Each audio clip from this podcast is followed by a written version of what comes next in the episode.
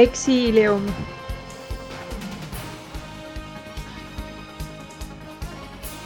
Exilium.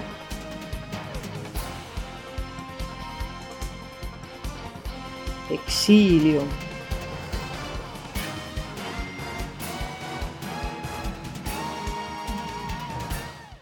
exilium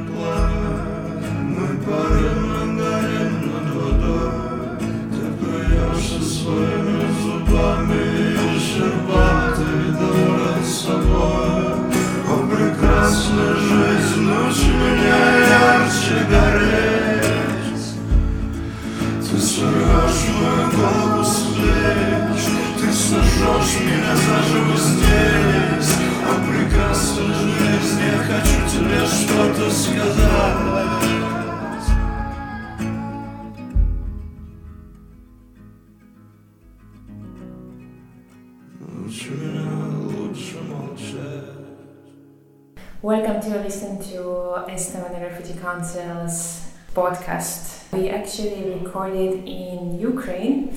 I'm your host today, Madladim, and today I'm very happy to welcome Tatev Fudinian, who is the ERC's Food Security Technical Lead.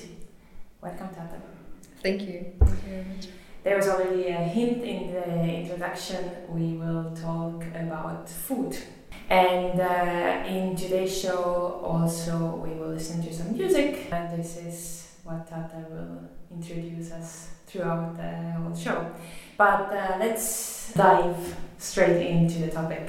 Food security, Tatev, what does it mean in the, in the context of uh, Ukraine? Well, food security in general, uh, it is the availability and accessibility of food to the population. In Ukrainian context, in most places, uh, there's still food available, uh, so markets are functional. Uh, people are able to buy food if they can uh, access it financially.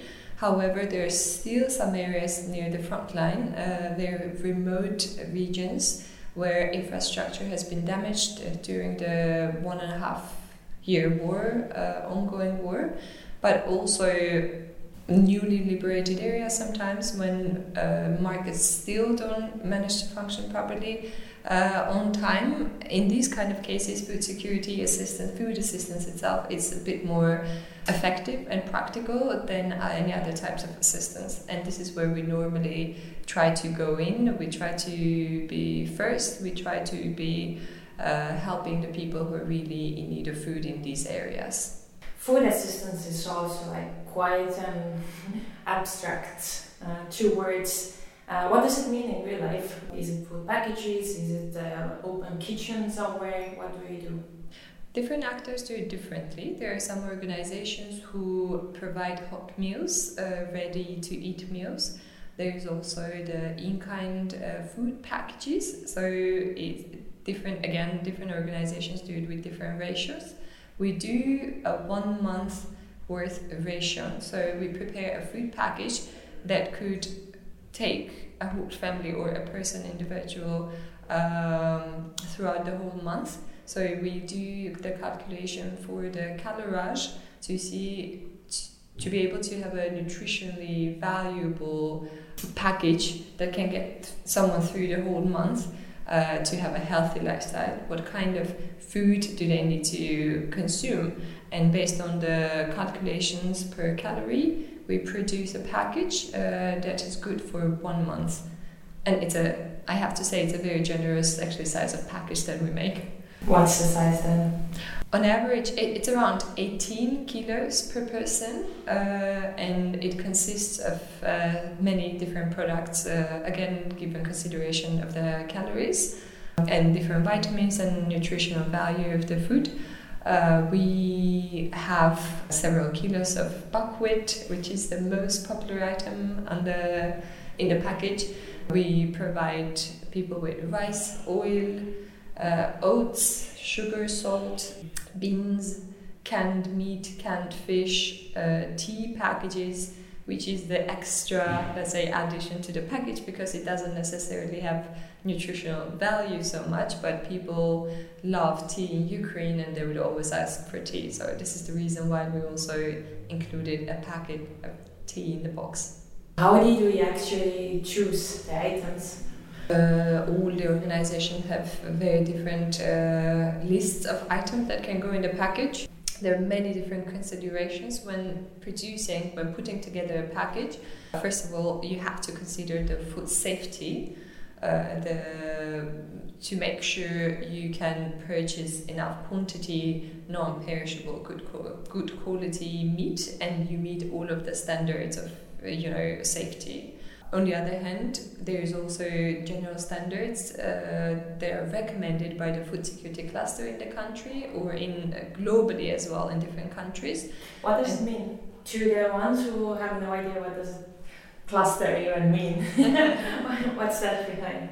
So the cluster, actually the food security and livelihoods cluster is one of the clusters uh, globally active in many emergencies in humanitarian uh, world it's basically a coordination mechanism where many actors within the same field come together and try to standardize the assistance, standardize the amount, or sometimes uh, coordinate in which area who works. So there are general, there's the global clusters in the world, but there is also the country cluster. So Ukraine uh, has its own, uh, let's say, uh, cash working group. They don't call it a cluster, but there's the cash working group, um, there's the food security cluster, there's the shelter cluster, protection, etc. So all of these areas have their own coordination groups, let's say that we call a cluster.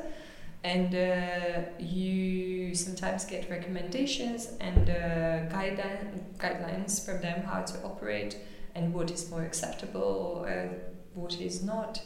Uh, so we do try to follow the guidelines of the cluster that was given, and the food package is actually very close to the, for example, the World Food uh, Program's uh, package that was standardized for Ukraine.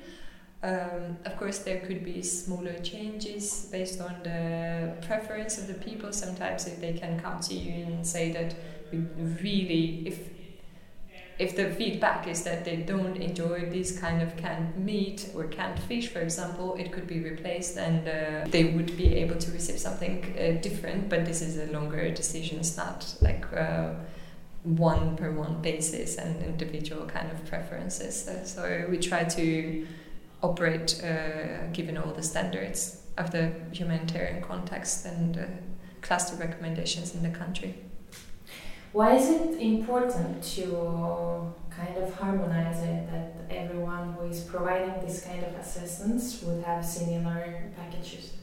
Oh, there are several reasons. One of the first one, again, is probably the safety of the food because it is easier to get just random items from here and there, from donations, for example, or someone is thinking, okay, there's this. Uh, of I don't know maybe lentils sitting in my wardrobe I could donate it and it has happened many times actually that we even working for different organizations uh, I, I've seen people donating things that are not necessarily uh, within the validation period of time so you get expired items sometimes and really variety of random things and it is not always matching to the needs of the people. Uh, so you can get really different types of, I don't know, canned soup that normally in the local communities they would not be using. Uh, let's say canned soup is not a common food item in Ukraine. So it is the best way, I guess. I mean, there's no one best approach, but it is much better to kind of standardize to understand first what are the food items that the people in Ukraine eat the most, what do they value the most, and also that those items are healthy and have nutritional value, but also that they're not perishable. So, in case if the assistance doesn't go out in the next month or two, and of course there could be some problems with the delivery, etc., security situation, would those items uh, go bad, uh, or are they safe to be delivered in a few months from now, etc. So there are quite a few reasons behind why would you like to have standard approach. However, this said, there are still many organizations that have different types of uh, packages, and including the hot meals. But it's a, different, I think, line of food assistance, and we don't do that. And from uh, from where do you normally get all these food items? Do you import them from the other countries? Do you actually choose the ones which Ukraine is able to produce and uh, provide? Yeah, no, all of our food items uh, that goes into the package, they're all locally procured, everything. Is it uh, a conscious decision? And if yes, then, uh, then can you explain what's the logic behind it? It is also a standard recommendation by the cluster. Uh, it is very heavily encouraged that all the procurement is uh, done locally. As you know, Ukraine is also, uh, it, it is even considered sometimes the breadbasket of uh, Europe. So there's a lots of local production, good quality production. So most of the items it is possible to procure here locally. Uh, but also, of course, it boosts the economy because it's a lot of spending. There are lots of actors uh, purchasing the food, and now in the work context, sometimes the supply chain uh, doesn't work as it was before. So sometimes, you know, the produced food is not going out, being exported like before. So in a way, this is just uh, another type of assistance. It's an injection to the economy. Before we uh, move on to actually uh, talk about in which regions we are operating and we have also uh, recorded some stories from the beneficiaries who received the aid from ERC uh, what did they like what they didn't like.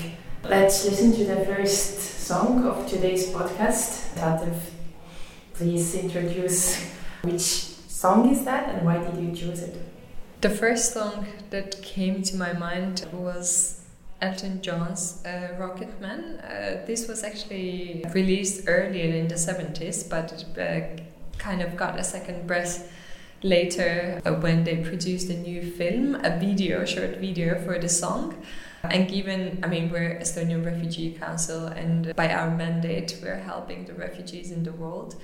And I thought this was the most appropriate, probably, song in a way, because the video that uh, was produced for the song was released. Uh, I believe it was released for Refugee Day, the world's Refugee Day, but the video is made uh, for refugees and it was uh, co-directed by an Iranian refugee, and it kind of shows the story uh, of how he moved to the UK and the struggles he had in the very beginning.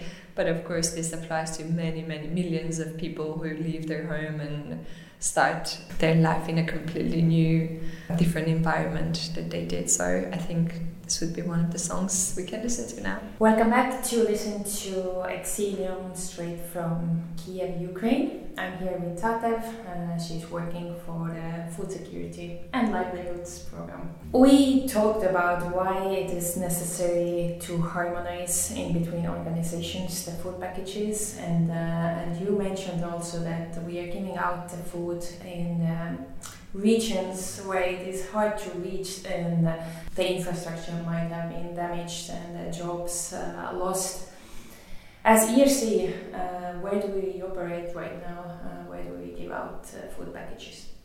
ERC works in many, many regions, uh, uh, oblasts in Ukraine. We have a wide reach through our MPCA, which is the Cash Assistance Program, through our livelihoods program, but uh, since we're speaking specifically about food security program, the program is active in three oblasts in uh, Zaporizhzhia, Kharkivska, and Donetska oblasts. Which is more in the east. Yeah, east and south, uh, southeast, I'd say.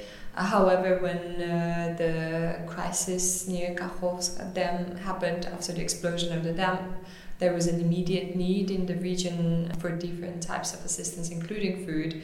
And we moved also very quickly to support the people uh, who were affected by the floods. And we have, uh, in addition to our main three oblasts where we operate, we have also provided food assistance in Kherson as well. How does it work in real life when there is uh, something something as catastrophic as an explosion of the dam happening? How how do you make it so quick, or how quick was the aid actually from our side to to reach this region? Because the plan was to still focus on the other oblasts.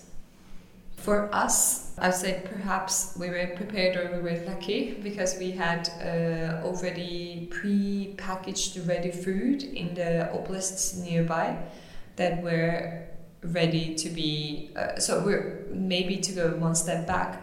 In those three regions, we're working through our local partners. So we have one local NGO in each oblast that we're working with. And those NGOs have already had prepared the packages uh, and they were in the process of you know identifying the beneficiaries, registering beneficiaries. Uh, and when the crisis happened, the flooding happened, uh, we were quite prepared. We were in a position of just simply distributing the food that we already had. The decision internally was very quick. Of course, when there is emergency and when there are people in need of food, you don't think too much about the paperwork behind it or anything of changing, you know, locations. You move right in. Uh, in terms of time, it took us very, very little time because, as I said, we already had prepared ready packages. It was just diverted from one region to the other region. Let's talk about numbers uh, in, in those oblasts. How many people we have uh, supported so far? So far, we have distributed food uh, to around, let's say, roughly 13,000 people. We're hoping that uh, the target, I think, uh, would be around 24,000 people in the end of this program. However, of course, the changes of food, the prices uh, change regularly, there, there are other factors involved, so these numbers can vary a bit in the end.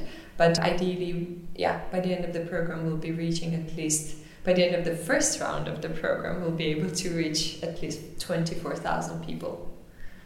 What does it mean, the first round? So there is, um, there is a budget for a certain time limit, am I correct? That's correct. Yes, uh, this the program started in December. Uh, we had a one-year program from December 2022 to 2000. 23. Um, however, we have received, we're at the stage of right now receiving a second round funding from uh, our donor to continue the project.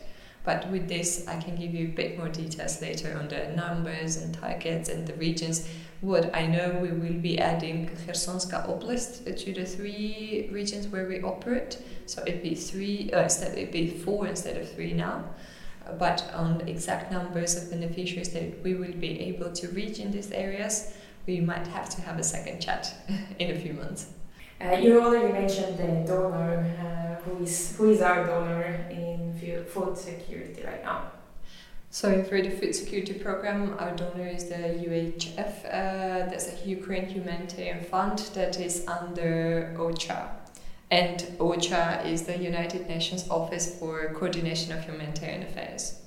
We already mentioned the, also the beneficiaries before, but uh, the need is very, very high. Uh, how do we actually find the most vulnerable ones and who are the most vulnerable ones in these regions?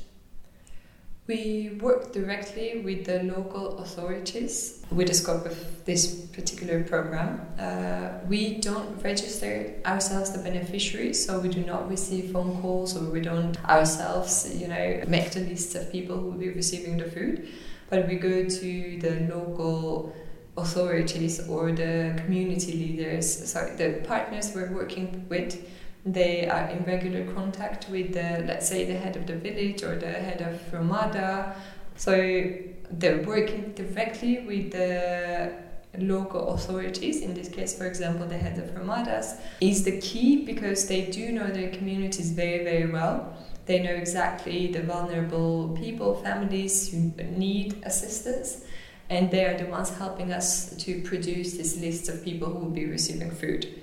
Occasionally, there are smaller community centers where people get together uh, to to have some support groups, etc. So in this case, you can also reach uh, the let's say. Mm, the contact person, the focal point in the community center, who also is very, very much involved in the village life or the community. They also know very well who the most vulnerable people are in their communities.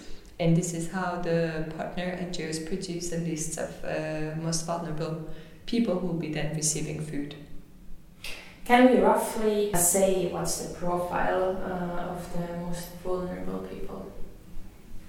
So we have five vulnerability criteria we're using to select our beneficiaries. The most common criteria would be elderly, uh, living alone. Uh, for them, it's, this is also a mobility issue because there might still be market functioning in the village, but for them to be able to regularly go to the shop and uh, make the purchases, especially when there is war around or it's not very safe, uh, they're definitely one of the most vulnerable categories.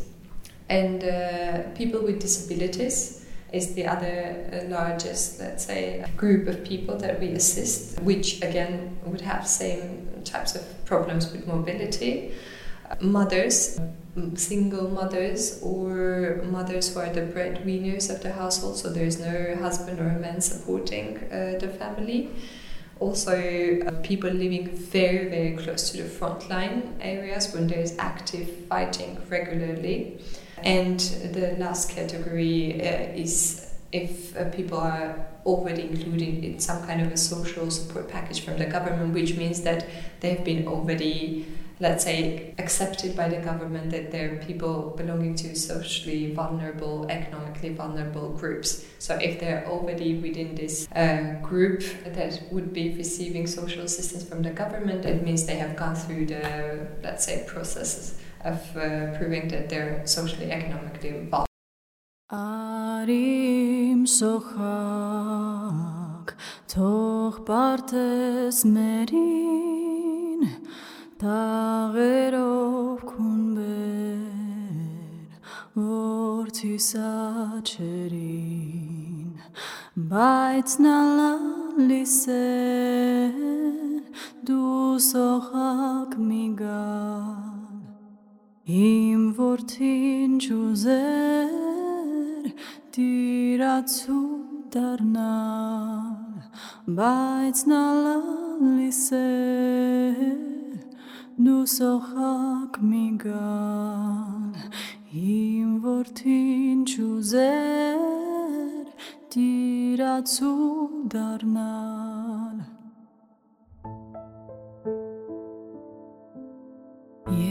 գաբեղածակ թող արտու արոտ օրորե տղիս կնի է կարոտ բայց նա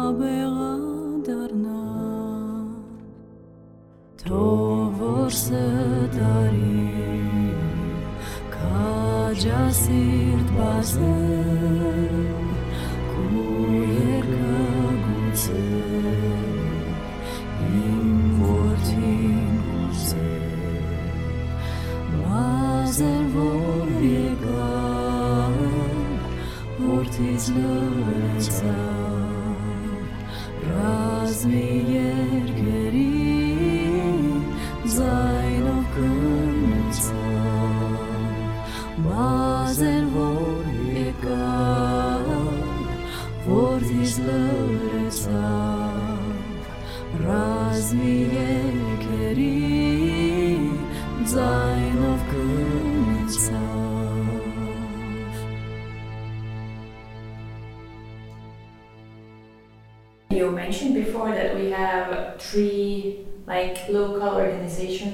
associations with whom we are working. Please explain a little bit more. Uh, who are those organizations and why did we choose them to actually do the work on the ground?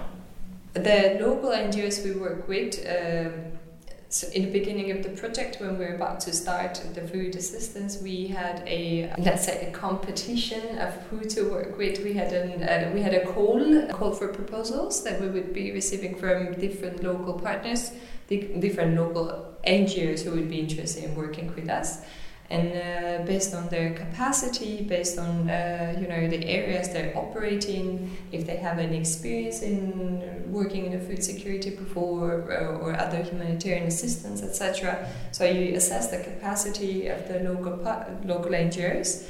Uh, we carried out uh, rounds of interviews with the NGOs to understand their motivation, their capacity again, and based on this, of course, after then going through the due diligence process, uh, we selected the three NGOs that we decided would be the most efficient partnership, let's say, in, that operate in different oblasts uh, in the country. So each oblast has its own NGO we are working together with. Yes, we can say that. Uh, even though one of the partner NGOs that's called Goodwill, they're based in Kiev. However, they are the one, let's say, responsible for delivering assistance in the Donetsk Oblast. Uh, the other two NGOs are NGO Yes that works there, based in Zaporizhia, and they cover the Oblast Zaporizhka. And the third NGO is called Rescue Now, and they work in Kharkiv area. I'm sure they are doing a great job, but how do we make sure that everything actually goes and it must go and the money is used in a correct way? Of course, we do proper monitoring, uh, which means both physical visits monitoring and also uh, regular post distribution monitoring that we do for different programs, which means basically after some time that the food has been delivered, and when we do deliver food, we absolutely have to collect all the data for the beneficiary. So the name, uh, that the person who has received the food, contact number, tax ID number, etc. Which means that after the distribution, our monitoring team will be making calls. Of course, they can't call everyone, but it's a big percentage and. Uh, it's a completely random selection of beneficiaries in different oblasts. They make the calls to verify if they have received the food, if uh, they were treated properly, if they like the content of the food, etc. So we do the post-distribution monitoring afterwards, but also we have regular in-person physical monitoring visits to the regions. Recently, actually last week, we went to Kharkiv uh, to uh, have a monitoring visit in the villages around Kharkiv where the food was distributed and we met ourselves uh, with the beneficiaries that have received the food. We had a little chat and uh, yeah, this is one of the other means of verifying if uh, people actually received the food and if they're happy about the assistance. Now it's a good time to, uh, to listen to uh, what we actually recorded in Kharkiv and uh, around uh, from the monitoring visit uh, when we talked with the beneficiaries. So let's listen to a mixture of different people telling us what did they actually think of it. І основна, основний аргумент, то що у нас вообще большинства немає грошей ніяк. So the major argument here is again that they don't have any profits at all, basically no cash income, И no работы jobs available. немає. Это что-то краина, автостанцию разбили, молокозавод, а вот там центр, там ракетами все. Там все. Yeah, this is basically the outskirt, the bus station and the milk plant, milk factory here, but then the downtown of the municipality was totally destroyed by missiles. So no job, jobs here. Получили ці продукти, можна сказати, їлі додому донесли. Отак от So the сказати. food, the food package itself was very nice, uh, very essential. Everybody here present has been completely satisfied with the list and quantity of food supplies. We're still using them, and no complaints uh, regarding the food items. Basically, everybody was really satisfied. Вдома ну, роботи знайти е, немає можливості. And the reason she's saying this is because uh, the majority of the community used to have a lot of jobs in Kharkiv and mm-hmm. Kupiansk. Now all those jobs are gone, and people basically are sitting home without home, without income. Mm-hmm. She was giving a birth to her baby during the occupation period. Then she had to prove her parental rights via court.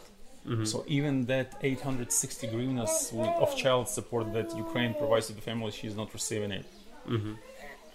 Дуже позиції гречка. У нас дитина любить гречку і рибу консервну їсть. Дуже гарно. Нам сподобалося.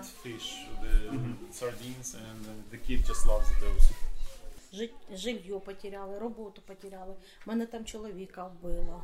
Ми живемо за що Dvorichna, there are still fights going on there, the warfare.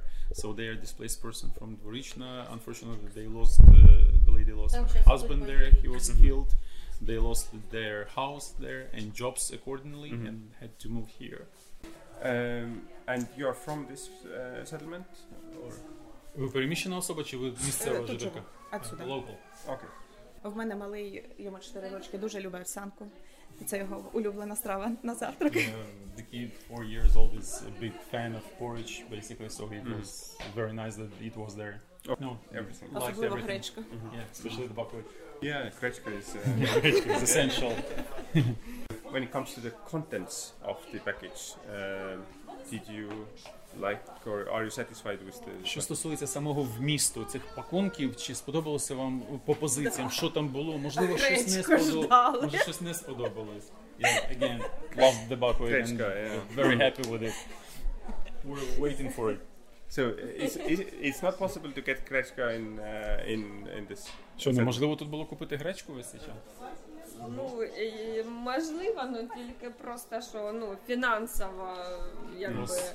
A, a financial challenge Yeah, to it's- ac- it acquire costs a lot, гречка, yeah. yeah. Yeah, the girl also Твой lives дед- for 20 euros per month, and the one who was shared with, uh, Понятно. because Поэтому uh, basically the правильно registered мы сделали, family shared one set неправильно with this with this lady, because she has two kids as Не, well, ну просто поделились. and что she хотим. was she wasn't registered, but she А got вообще, the one set Это and самое was very happy Якщо б with не it. Таня, то я б не знаю, що робити. Найкраща Остання гуманітарка, це- ви що, це гречка, це рибка, це Мене м'ясне, вообще люблять овсянка, гречку, Actually, яка they're saying it was the прекрасна. best package they had so far. Дуже вам Uh, дякую. with regard дуже. to contents and Ще to the хочу- items quality. Я ж трошечки як Yes, they did receive the food packages. There were two packages per person. They're living together with their wife, uh, their daughter, and their granddaughter left for Germany. Just they, yeah, they've been under occupation, but still surviving through. Я, я инвалид, ликвидатор Чернобыльской аварии. He's a handicapped. Вторая uh, группа yeah, инвалидности. the liquidated from Chernobyl. Ну, в общем, болячек Second хватает. group. Кардиостимулятор стоит. List of diseases. The Самые cardio суставы stimulator there, разрушаются. Всё, И онкохворый добавил. and also some Не ел oncology. лейкоз. The leu- leucosis, leucosis of blood. young neighbor that we have. There are not so many. It's only ten households on the street. So thanks to these guys, we received it Привезли. easily with their help. Спасибо вам They великое. delivered here, so yeah, brought home. Uh, when it comes to the contents of the, the package, uh, were you satisfied with? Що стосується Все нормально, да. Was- Нормально все. Чи може ви хотіли б якісь там продукти на якісь Гречку, поміні? ото... Again, again, гречка. Гречка, рис, все Гречка, нормально. rice, top Консервы products, the мясные, canned самые, meat, canned, yeah, рыбные, and всё- fish, всё есть, canned всё. fish. Uh, was really, Спасибо. they've been really satisfied with the contents, and thank Was you very much there- for that. Was there anything in the package which you didn't use or need? Чи було щось таке в цьому наборі, що ви може не використовували, не їли взагалі? Ну что, мы что, не живые люди, ему а как? No, they're eating everything, consuming all, all the package totally. The whole community has changed a lot after the occupation because we became we, we became united much after the occupation. This half the year was crazy, so now we're trying to share the efforts, share the assets, the supplies, everything with each other, with those who couldn't receive any. So just we became much more united and single-minded Afterwards. So we are very decent with our answers and with our feedback here. А вот тут дорога, вот это ж они тут ближе всего, ну сколько тут? 30 метров до дороги. Шесть? Не, не 30. Чуть дальше. А, 56 и там. чуть дальше. 100 Э, метров до День и дороги. ночь ехала русская техника. Вот тут ревела. В 5 утра и начинали. Гнали ну, гнали туди ж далі. Так що ми тут Just пережили. they happened a story that there was this road uh, 100 meters away from here, and it was like 24/7, and Russians were just escorting the military material like day and night, and tanks, the armored vehicles, all there, just further, further, further. So they've been just stressed out totally because of the lowering of the material. Дякуємо, що підтримуєте. Здалеку приїхали. Ви умнички. Дякую. Миру всім. Скоріше це, щоб закінчилось. Thank Жизнь you very much. We know that you came from far away and you're still helping us, and just we wish for peace for all of us.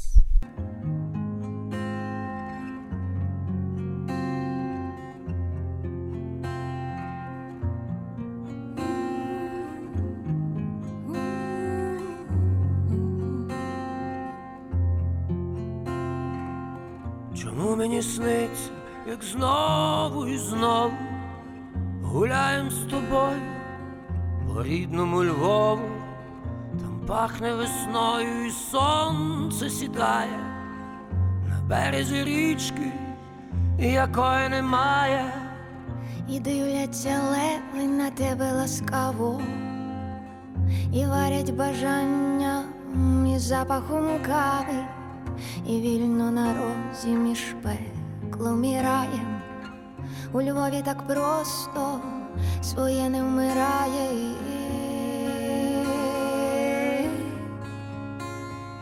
Дихає місто весни моє.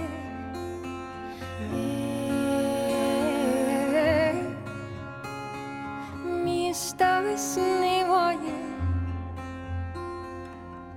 Бентежне століття завоює рани. Ще до повноліття тут всі ветерани. Наповнене світлом минуле прощає. Чомусь тут ніколи не хочеться чаю, не хочеться снігу, не хочеться слави. Нехай дістається церквам з хоргулами. Ми просто з тобою вдвох погуляємо на березі річки, якої немає.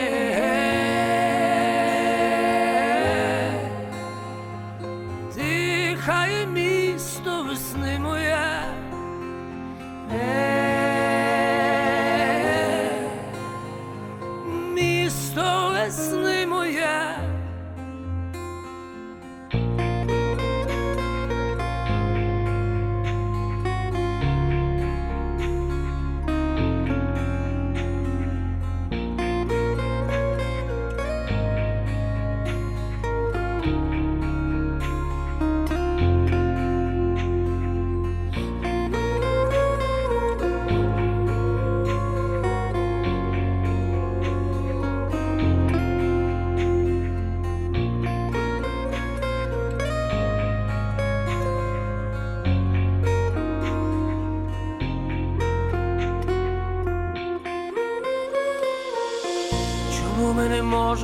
Забути про зливи? Мабуть, для героїв ми надто вразливі, стіни і леви нам не дозволяють розвіяти попіл, якому ніяк не згасають ті сни, у яких я і знову, і знову гуляю з тобою по рідному Львову.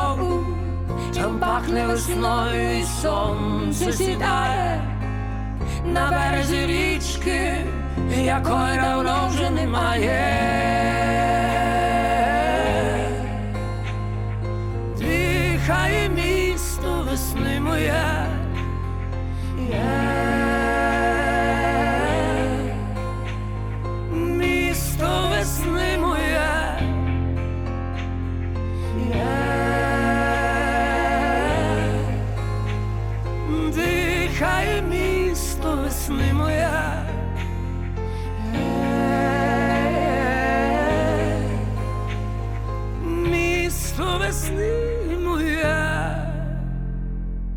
This is the last part of today's podcast from Kiev, Ukraine.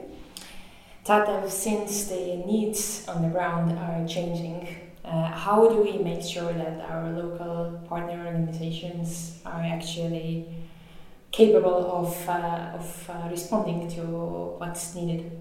Uh, that's a very good question, actually. Uh, we like I failed to mention earlier that uh, the one very big component of this food security program is also localization, which means to build the capacity of our local partners to be able to carry out such assistances on their own. So to build their capacity to to meet the standards of humanitarian aid assistance. So in a way, uh, to be able to operate with when all of these other organizations go or donors go. Uh, which means also that we provide trainings for them. We have already provided four uh, different types of trainings for our local partners and the uh, first one being the finance and fundraising so how they can properly uh, do the book because sometimes those organizations are fairly new and they're newly operating in the area. After the the recent the latest war in Ukraine there were new, newly emerging many organizations and they'd like to try but sometimes they don't necessarily have the very long years of experience and not uh, perhaps they're missing having one policy here or there. So this uh, project uh, that we're doing it has this very strong component of localization and this is why we have trained them basically on finance on fundraising on um, humanitarian principles in general how to operate in this kind of uh, emergency settings the M&E and accountability, which is the monitoring and accountability, so how they can be fully accountable to the beneficiaries they assist.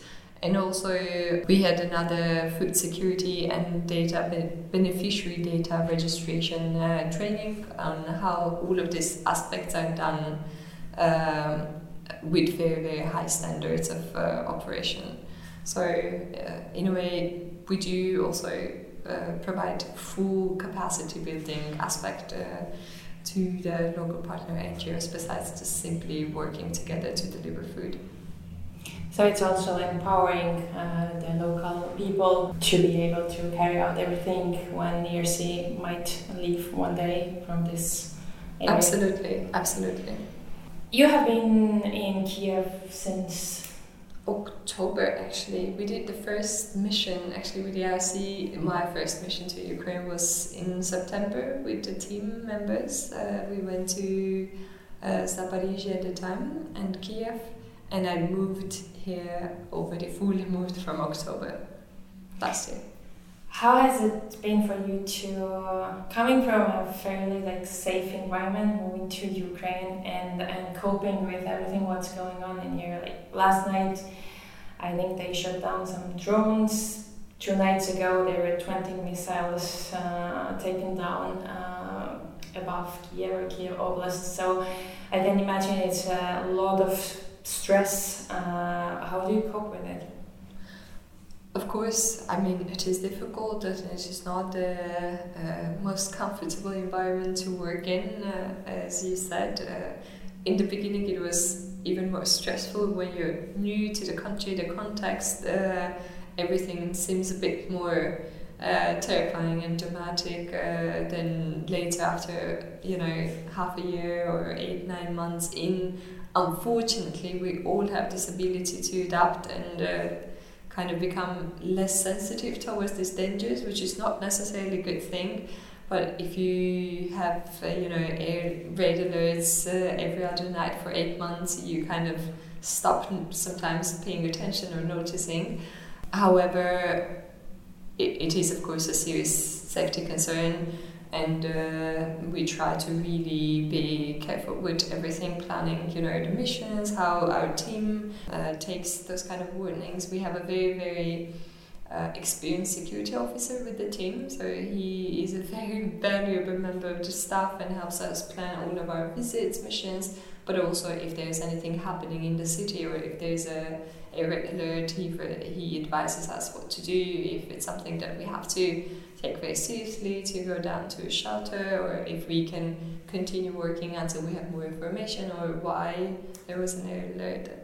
Uh, yeah, it, it is not the easiest environment to operate in, but uh, on the other hand, uh, all of the humanitarian world working. Uh, unfortunately, most of the countries you work in, there's uh, one or other type of uh, you know safety concern. So mm, you have to be in these places to help. How do you balance yourself? Uh, as you mentioned, just this working in this sector, it's it is often dangerous and uncertain. But uh, especially if you are not local, working in a completely different sector, so you would have the stress from the environment. But as a humanitarian, you also see very deep inside uh, how people are struggling, and you hear every single day there is stories, and you have to deal with that. Besides, also having to deal with what's happening most time at nights uh, when the shellings are taking place. So when you have free time in Kiev, which is a great city, what do you, what do you do? Where do you go? Maybe I've been slightly luckier in the beginning in the sense that uh, culturally I did not feel any shock when I moved in. Of course, the security situation is difficult, and we have to, uh, you know, uh, go through some difficult nights of maybe not sleeping, being uncomfortable. However, as an overall environment for me, it was it was very familiar in a way. I've never lived in Ukraine before, but we have a very common past, and uh, uh, there's not very big language barrier. So in a way, I, I felt culturally very close. Uh, I didn't feel this like being in a very very new strange environment. Uh, so that helps a lot. Uh, that I can just go to a shop, I can speak to the you know the lady selling something, or someone on the street would ask you in a direction or something. So I feel a bit more connected to the uh, to the locals here. And uh, in terms of other coping strategies, actually, I, I, I, like to do sports sometimes um, if I find any flat area in Kiev because Kiev is very hilly. It's hard to find a flat uh, area. I like to go for a run. I have a couple of uh, friends, colleagues. It's uh, it's good to also occasionally meet up and not talk about work always, but you know play a game or uh, go for a little I don't know picnic or a hike or something. And the summer is beautiful uh, now things have changed. The, the winter times are definitely harder to cope with.